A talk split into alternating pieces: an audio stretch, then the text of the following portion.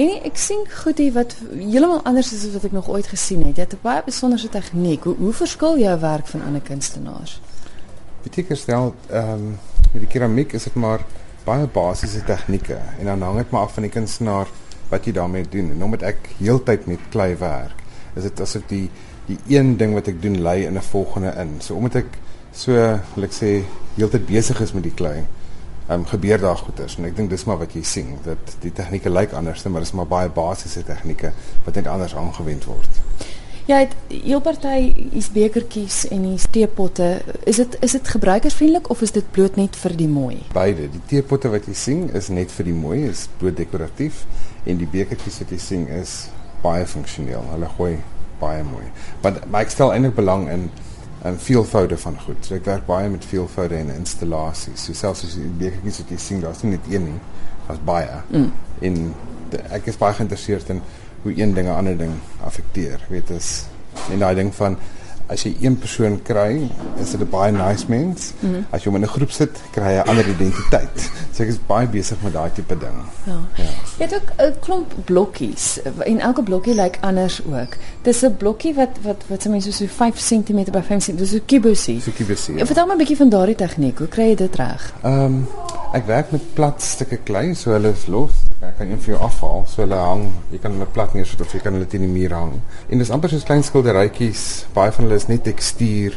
So eintlik kom dit vir my baie lekker is om te maak omdat dit op 'n baie klein skaal is, kan ek verskillik baie eksperimenteer. Mm. En ek kan heeltyd goed doen. Party van hulle gaan 5, 6, 7, 8, 9, 10 keer deur die oond.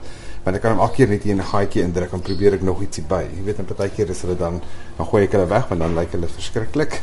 Party keer is hulle juweeltjies.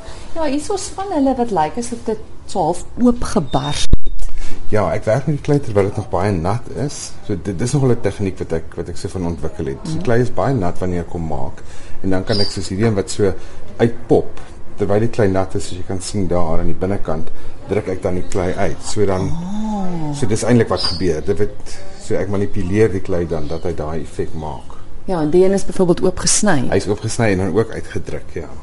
Dit is al baie basiese goed, maar dis net maar hoe mense dit gebruik.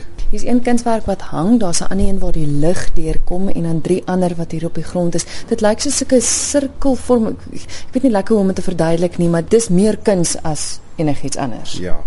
Dit is wat ek net ook gesê het van die veelvoude waarna ek belangstel. So hierdie hele al hierdie werk wat jy hier sien is gebaseer op 'n silinder. Die silinders word almal met die hand gemaak en dan op maniere bymekaar gevoeg. Ehm um, soos daai wat jy daar sien wat vierkantig is vir die lig deurskyn, wat die lig dan reflekteer. Ja, so dis 'n installasies van saamgestelde forme. Dit lyk vir my asof jy baie pret het met die klei. Ek het baie pret met die klei, te maar reg, ja. En soos jy sê, dis maar eksperimenteer een ding lei na 'n ander. Is, is daar dinge wat jy nou nog graag wil probeer? Het die het die fees jou geïnspireer?